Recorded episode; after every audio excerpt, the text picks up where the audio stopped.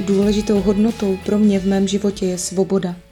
Vítejte u podcastu, který je volný jako pták. Krásný den, jmenuji se Verča.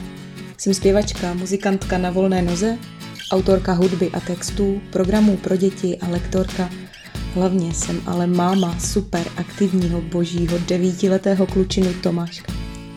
Tento podcast je o výzvách našeho života ze světa podnikání a vzdělávání a já doufám, že si ho užijete.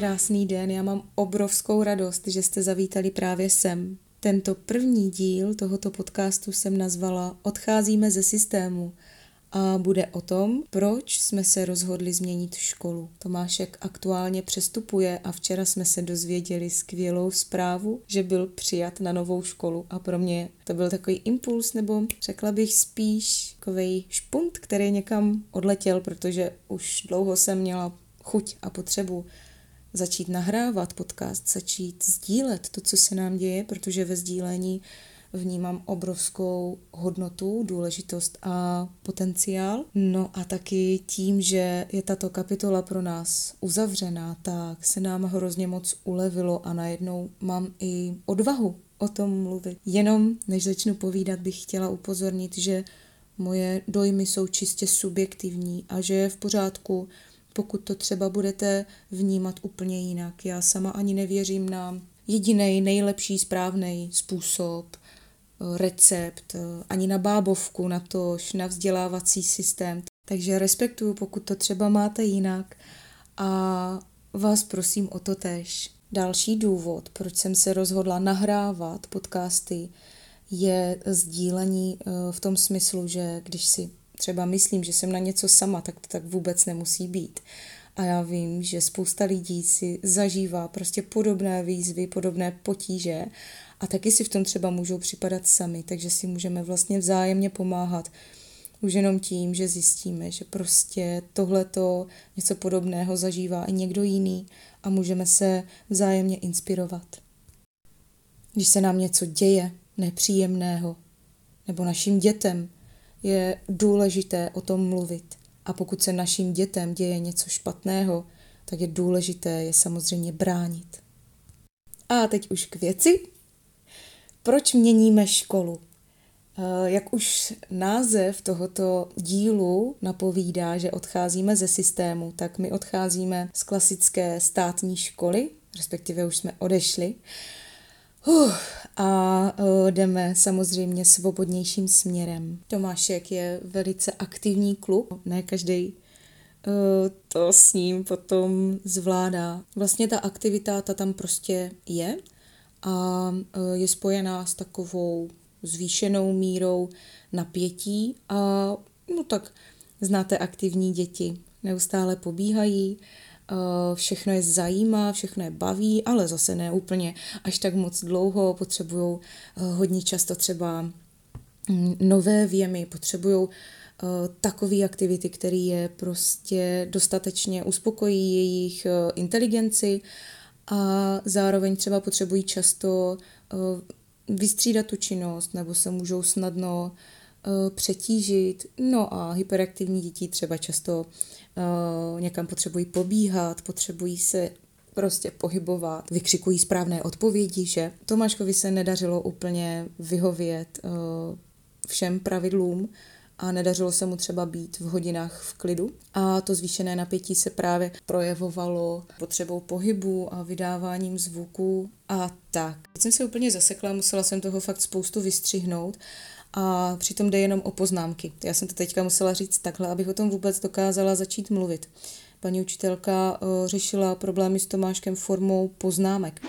Ono to možná zní jako, že no tak co, tak dostanu poznámku, ale uh, uh, nám to dělalo strašně zlé, ten Tomášek to bral jako selhání. Tohle je na kapitolu samu o sobě a já mám v plánu to i eh, v jednom samostatném dílu zpracovat, co se vlastně děje s dítětem, eh, když dostává poznámku. Pro Tomáška to třeba bylo úplně strašný, ale Ve stručnosti, protože se tomu budu teda věnovat samostatně v jiném díle, řeknu jenom, že ta poznámka vlastně zvýší napětí. Je to vlastně forma tlaku, který má přitlačit jak na to dítě, aby teda dostalo tu informaci, že teda něco je špatně. Je to vlastně trest, není to jenom informace, je to trest. Vytvoří to nátlak i na toho rodiče, jakože prostě zpracujte si ho. Jo, je to prostě takhle. O tom jindy, každopádně nám to dělalo strašně moc zlé a Tomášek získával o sobě vlastně představu, že selhává, že něco je s ním špatně a výsledek byl ten, že to napětí se zvýšilo a tím pádem samozřejmě logicky to chování se zhoršilo. K ničemu dobrému to nebylo.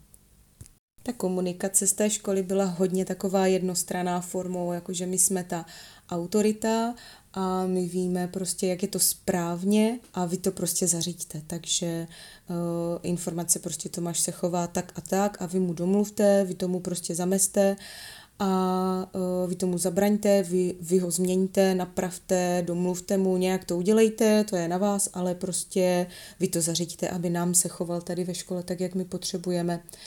A to samozřejmě jakože uh, vedlo k dlouhým, zbytečným, prostě marným diskuzím, kdy jsem se snažila samozřejmě s paní učitelkou komunikovat a uh, co ještě můj jako problém, že jsem se dlouho snažila vyhovět nebo um, vlastně zamezit tomu konfliktu, který už tam ale jako dávno předtím byl a snažila jsem se třeba i vysvětlit, že z domu, jak si nedokážu mávnout kouzelným proutkem, tak aby se choval ve škole tak, jak potřebují. Dokážu to ovlivnit doma, když jsem s ním prostřednictvím eh, toho, jaký s ním mám vztah, dokážu si to s ním vykomunikovat. My se úplně na všem prostě v pohodě domluvíme. Většinou samozřejmě máme horší a lepší období a i to jsem se snažila třeba vysvětlit, že uh, Eh, to tak nějak jako cykluje prostě, že někdy to napětí narůstá a je to nějakou dobu horší, potom třeba se to zase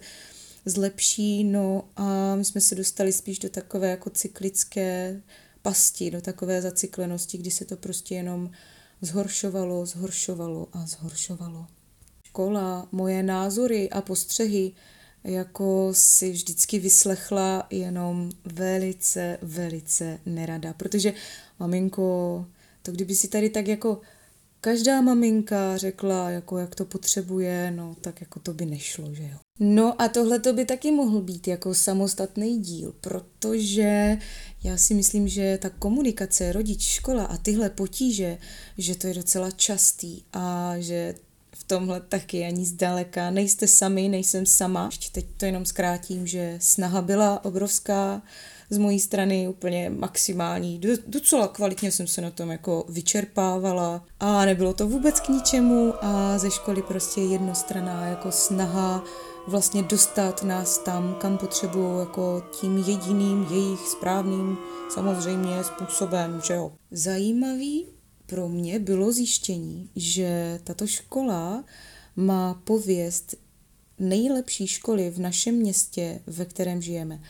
A je tady obrovská poptávka od rodičů, eh, aby jejich děti mohly chodit na tuto školu. A přemýšlela jsem o tom, proč tomu tak je. A myslím si, že tato škola má obrovsky vysoko nastavenou laťku, co se týká jako množství učiva, že to je fakt jako, protože mám porovnání s maminkama dětí, prostě kamarádek, co chodí na jinou školu, tak to množství učiva je někde úplně jinde, fakt jako to mají vysoko a tím, že je tam od každé třídy, eh, od každého ročníku prostě třeba čtyři třídy, tak oni si to mezi sebou vlastně i hodně hlídají. Takže tam je ten systém nastavený tak, že všichni jedou vlastně to stejné množství učiva, nikdo není pozadu a myslím si, že e, i ti učitelé musí být pod obrovským tlakem, aby vlastně všechno stíhali. Jako nadspat to do těch dětí prostě, to, co je nezajímá, teď někdo tam ruší, někdo tam zlobí, teď prostě nestíháme, že vedlejší třída už je prostě o dvě stránky dál, takže e,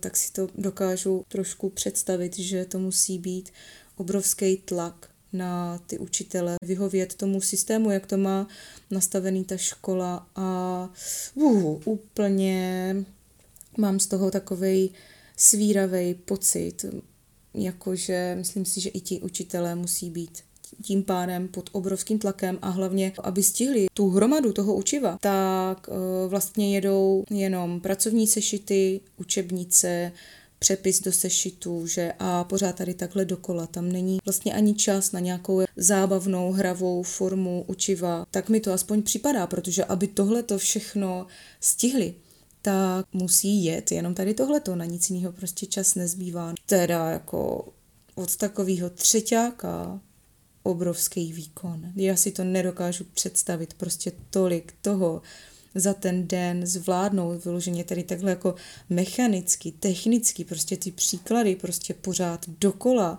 jo, nesmět prostě 45 minut eh, se jít ani projít, nesmět nic říct, teďka dlouhatánský vyučování, že jo, eh, třeba od 8.00 do 14.20 prostě mazec. Pamatuju si to, jaký to bylo právě udržet tu pozornost a ještě zvládnout toho tolik, no wow.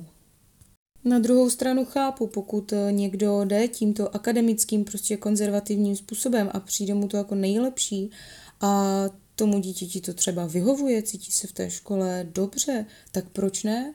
Eh, mně z toho jde trošičku hlava kolem.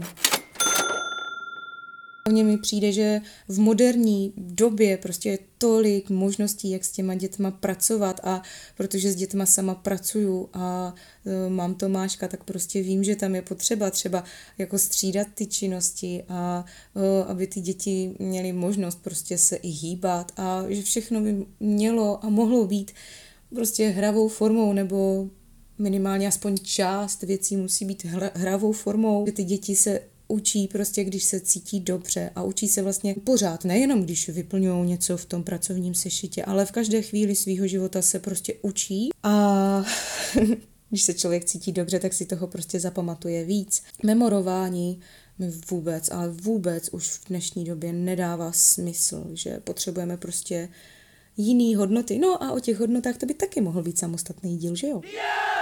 My jako rodiče máme obrovskou zodpovědnost za to, co si vlastně to dítě z té školy odnese, tím způsobem, že my mu vlastně vybereme tu školu, kam to dítě chodí.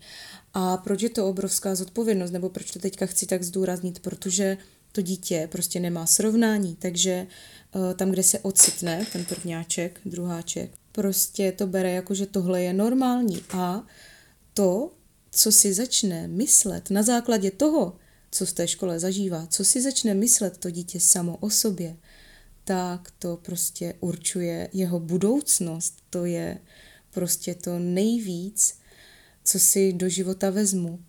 Jaký vztah získám sama k sobě. Takže proto mluvím o těch hodnotách, co třeba si představuju, co si přeju, aby si moje dítě odneslo jako hodnotu do života. Je to svoboda, je to míra vědomostí. Tohle má každý jinak a i každá škola to má nastaveno trošičku jinak. Každý z nás si může přečíst uh, práva a povinnosti jak žáků, tak učitelů. A mně přijde moc zajímavé podívat se do školního řádu ale jako fakt si přečíst, co má škola ve školním řádu, jestli tam má vyloženě to, co tam musí být, podle paragrafu školského zákona. Taky mně přijde zajímavý zamyslet se nad tím, jestli uh, ta škola do toho vnese právě i nějaké hodnoty jestli tam vnese třeba to, že důležitou hodnotou je právě pro ně třeba uh, svoboda, respektující přístup k těm dětem, nebo vedení k nějakému kritickému myšlení a samostatnosti, jestli něco takového tam vnesou, a nebo jestli je to prostě striktně, konzervativně dáno. I tohle to nese určitou hodnotu. Já teďka ve stručnosti budu citovat ze školského zákona, paragraf 22b, povinnosti pedagogických pracovníků, chránit a respektovat práva dítěte, žáka nebo studenta. Vytvářet pozitivní a bezpečné klima ve školním prostředí a podporovat jeho rozvoj, zachovávat mlčenlivost a chránit před zneužitím osobní údaje a tak dále a tak dále. No, ono to zní jako, že úplná samozřejmost, že přece uh, v dnešní době se nemůže stát, že by jako uči, uh, učitel ublížil dítěti, nebo že by se v té škole dělo něco takového jako uh, fuh, vyzrazování nějakých osobních citlivých informací a mě se teďka úplně zvyšuje tep, protože se to děje. Dělo, dělo se to nám, děje se to spoustě dalším lidem. U nás to třeba nebyla úplně jako vyloženě šikana, ale i tak jsme si z toho odnesli prostě spoustu jako potíží, problémů a jsme tím poznamenaní, ale co já hlavně, hlavně to dítě. Takže pozor, děje se to, hlídejte si to a braňte svoje dítě a pokud je mu ubližováno, řešte to, mluvte o tom a pravděpodobně uh, ta škola, možná se vám stane něco podobného jako nám, že ta škola to žádným způsobem nezmění, nevyřeší, prostě nejsou ochotní, no tak samozřejmě oni to jenom velice neradí jako vyslechnou, ututlají a nic nezmění, takže pozor, chraňte své dítě a nedávejte ho tam, pokud se o něho bojíte, pokud vám instinkt říká, že něco není v pořádku, tak pravděpodobně něco není v pořádku a neriskujte traumata svého dítěte. Řešte to zavčas nebo hned, jak to objevíte i konkrétně k tomu bodu. Zachovávat mlčenlivost a chránit před zneužitím osobní údaje. Tak já tady pokusím se ve stručnosti povykládám naší příhodu z třídních schůzek. Byl to jeden z nejvíc ponižujících zážitků, co se mi kdy stal já jako rodič jsem samozřejmě šla na podzim na třídní schůzky a e, paní učitelka se tam rozhodla udělat divnou věc, dokonce jí to prý podle jejich slov poradili starší zkušenější kolegové, ale teda to byl hnus. Výjmenovala tam šest jmén, samozřejmě kluků, no tak kluci. Ale ona vyloženě řekla šest konkrétních jmén, příjmení těch konkrétních dětí před všema těma rodičema a k ním výjmenovala jejich prohřešky. Jo.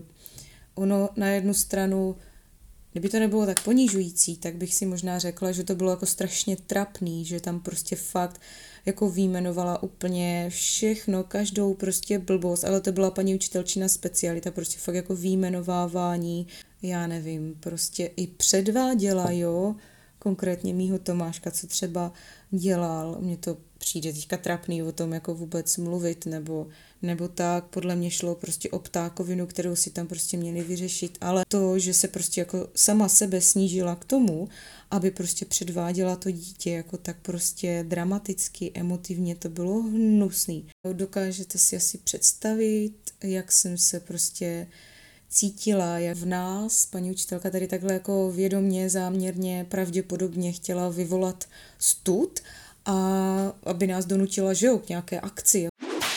No, teďka ještě k reakcím rodičů. Protože já jsem byla jediná, kdo se snažil paní učitelku zastavit, ať tohle to nedělá, že se mi to nelíbí, že s tím nesouhlasím, aby eh, tyhle informace byly zveřejňované, že to je prostě strašný v tu chvilku mě bylo tak špatně, úplně horko, úplně mlátilo srdce, cítila jsem se fakt hrozně a vnímala jsem, že se děje něco fakt jako špatně a bylo to čím dál horší, protože jsem nebyla schopná to zastavit a byla jsem jediná.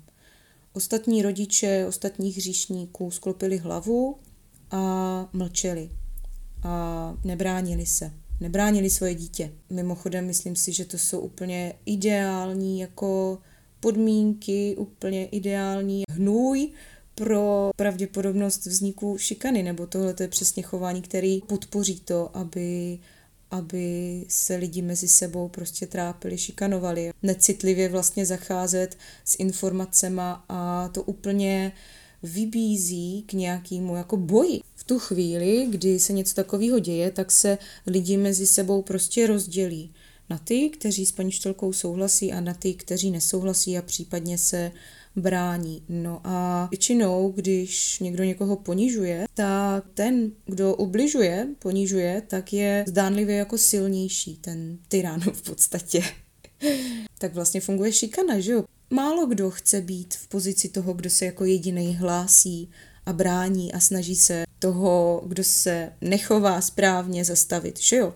To se tam vlastně i stalo že eh, mnoho, mnoho rodičů se začalo hlásit s tím, že prostě souhlasí s paní učitelkou a přidali se jakoby na její stranu, takže ona v, jako z mýho pohledu se nezachovala správně, ale dostalo se jí toho zastání od většiny, což byl teda jako velice silný okamžik. Cítila jsem se opravdu, opravdu špatně, že se děje prostě něco zlýho, a nedokážu s tím nic udělat. Nikdy, nikdy by mě nenapadlo, že se tohle to prostě jakože může stát, že můžu něco tak debilního ve svém dospělém životě prostě zažít. Jako člověk si připadá fakt jak malý děcko, který nemůže nic, když se prostě někdo chová špatně.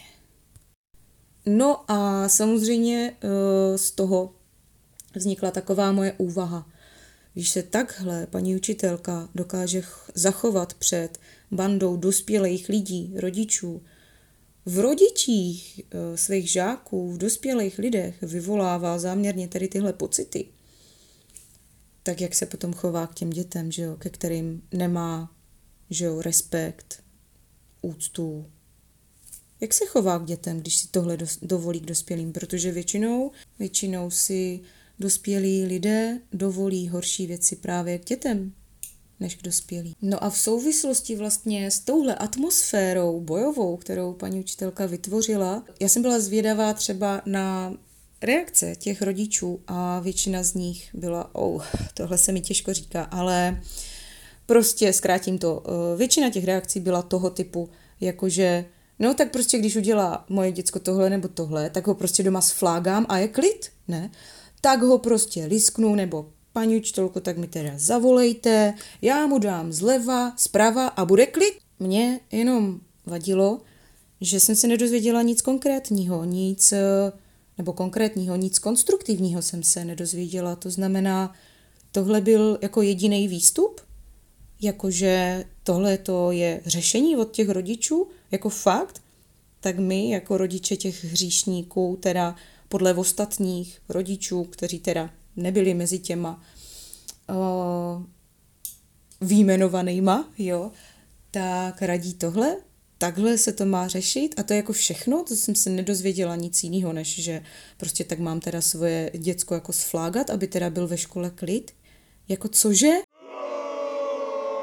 Já jsem si tady na tohle chování stěžovala, poslala jsem oficiální stížnost, která teda jako k ničemu nebyla, ale o tom, o tom potom to možná taky bude stát za samostatné zpracování. No a mně se to nelíbí tady to chování, já nesnáším šikanu, ubližování, ponižování a uh, hlavně jako mm, vnímám autoritu tak, že vnímám autoritu. Já si vážím každého člověka, který se chová slušně a je mi jedno, jestli je mu pět nebo padesát. A pokud bude někdo můj nadřízený nebo bude ředitel školy nebo paní učitelka nebo paní vychovatelka a mně se nebude líbit prostě chování, který je vůči ostatním prostě ponižující, tak v ten moment paní učitelka ztrácí prostě poslední špetku autority tím, že se zachová takhle hnusně prostě na třídních schůzkách. Poškozuje tím vlastně vztah, že jo. Takže to nemůže výst k ničemu dobrýmu. Já jsem měla chuť zbalit se z těch třídních schůzek a vypadnout, vystřelit. Byla jsem tak strašně naštvaná a ublížená a tak. Ale OK, eh, překonala jsem se, snažila jsem se uklidnit a navázat potom jako individuálním rozhovorem, který, jak jsem doufala, bude prostě aspoň trochu konstruktivní. No, samozřejmě paní učitelka si mě teda vyslechla jenom jako velice nerada, ono ostatně taková debata je vždycky, že jednostraná, že když potřebuje něco říct paní učitelka, tak to jako jo, mám slyšet, poslechnout, reagovat, zařídit to tak, jak ona potřebuje, ale vždycky, když jsem potřebovala něco já, tak jsem tam viděla takový to jako, mm, no tak to nás tady asi zavřou v té škole, když tady jako musíme být tak dlouho. Ta ochota tam byla taková jako slabší, to bylo prostě jako cítit. To prostě nikdo neodpáře a hlavně, eh, když jsem třeba paní učitelce řekla, že má Tomášek psychické potíže vlastně vlivem toho selhávání a těch poznámek ve škole, tak to bylo popřeno. To začínalo u takových maličkostí, jako že třeba byl hodně unavený a nezvládl třeba napsat úkoly. A uh, bylo třeba od paní učitelky popřeno, jako že mm, tak jako unavený, rozhodně jako ze školy ne. No to teda rozhodně jako jo, ale OK, to je třeba, to je třeba jako ještě maličkost, ale uh, když prostě jezdíte k psychologovi a řešíte prostě věci, jakože vaše dítě říká, jsem blbec, jsem debil, prostě nic nezvládnu, prostě stejně zase všechno pokazím, stejně zase dostanu poznámku, OK, a pak to pokračuje tím, jakože nemá smysl žít, mě prostě nebaví žít, já nechci žít. Kvůli škole, kvůli poznámkám, ano, prostě až takhle daleko to zašlo. A myslíte, že na to škola prostě nějak jako reagovala? Maminko, tak vy nám tady popisujete jiný dítě, než který máme, no prostě nevěřili, popřeli to, jeli si dál to svoje. My to děláme správně, vy si to nějak zařiďte, vy mu doma domluvte, prostě je to vůbec, vůbec nezajímalo.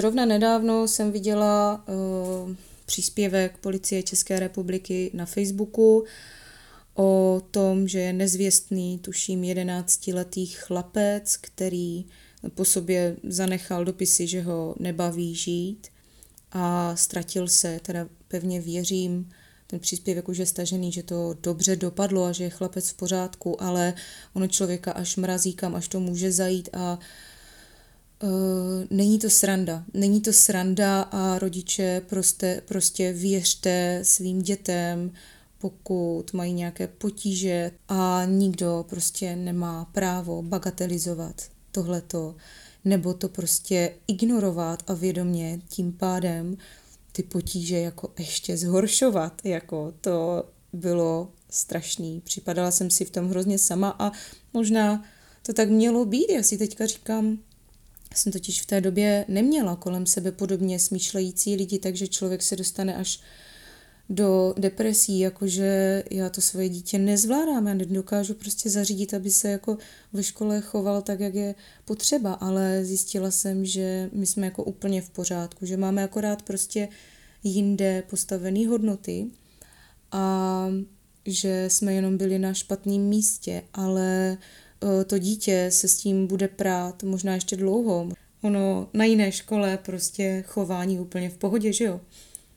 No, slyším třeba takové věci jako, no tak my se s ním prostě normálně domlouváme. Ano, jsou tam věci, na kterých je potřeba zapracovat, jasně, ale to jsou vždycky, to jsou prostě výzvy, ale najednou jakože úplně v pohodě byli překvapení, proč se vlastně ptám, jestli je to, jestli je všechno v pořádku. No jasně, že je všechno v pořádku, jako dobrý.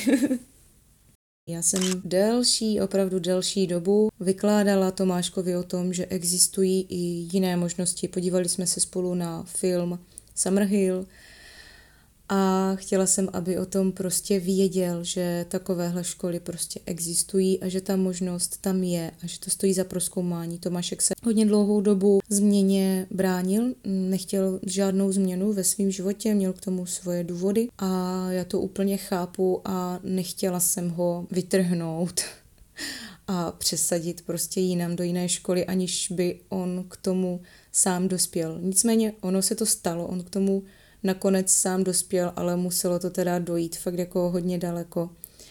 A ten rozhodující týden byl, když každý den od pondělí až do pátku slyšel něco, něco, něco se stalo a paní učitelka poznámku, že?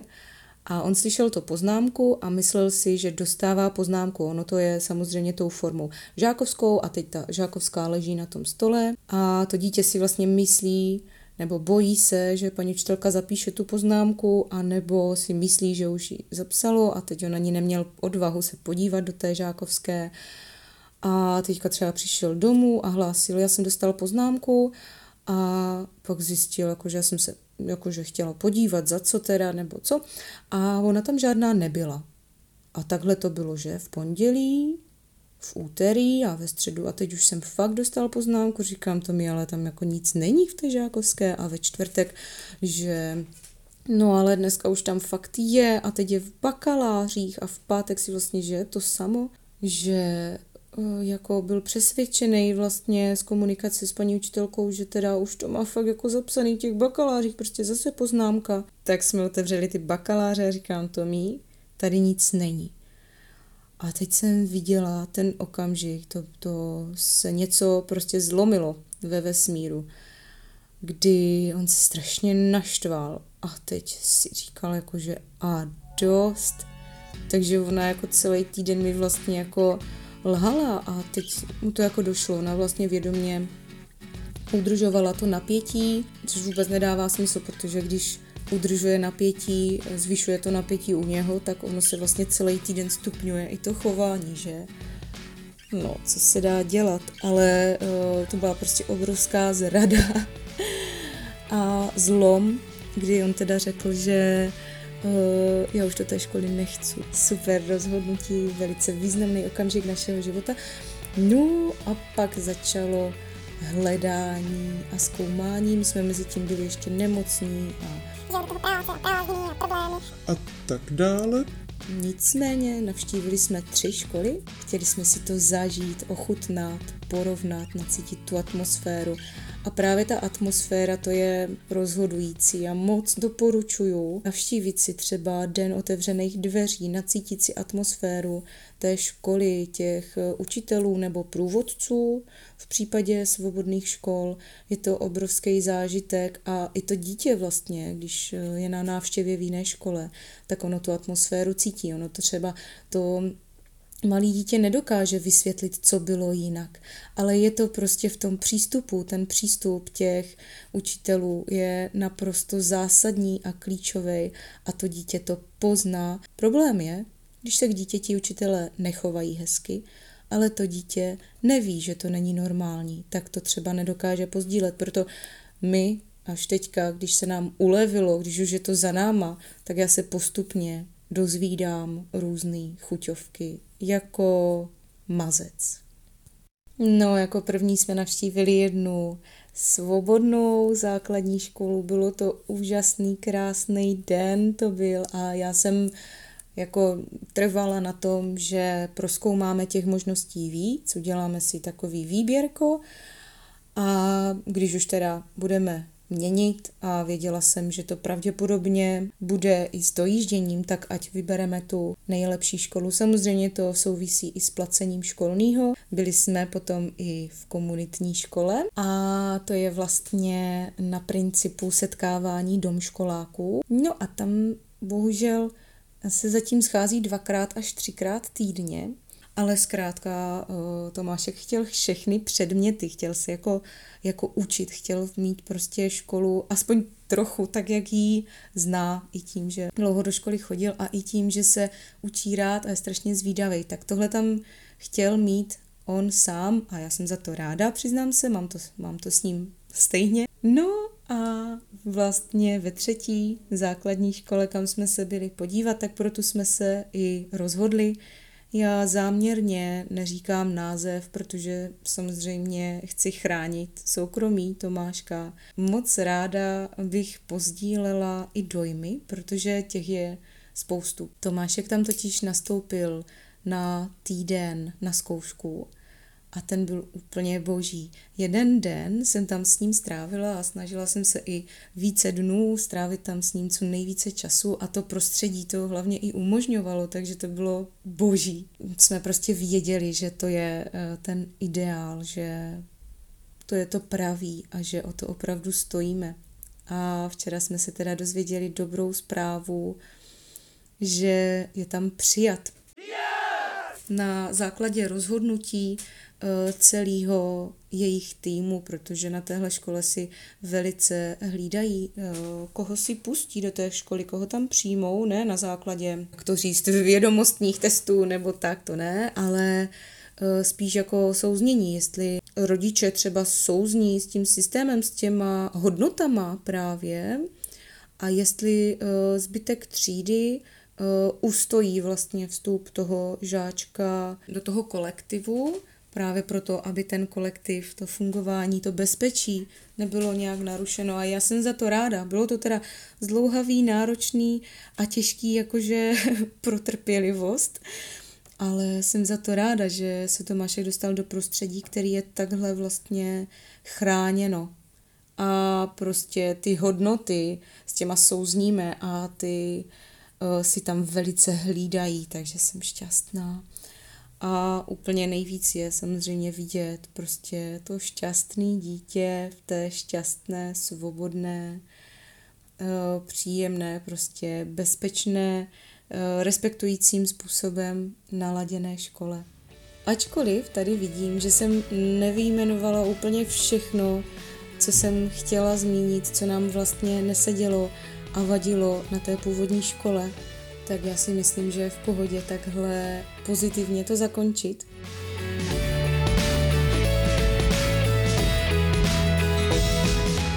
Pokud jste doposlouchali až sem, tak vám moc děkuju. Velmi si toho společného naladění a sdílení vážím. A budu se na vás těšit u dalšího dílu. Mějte se krásně, ahoj.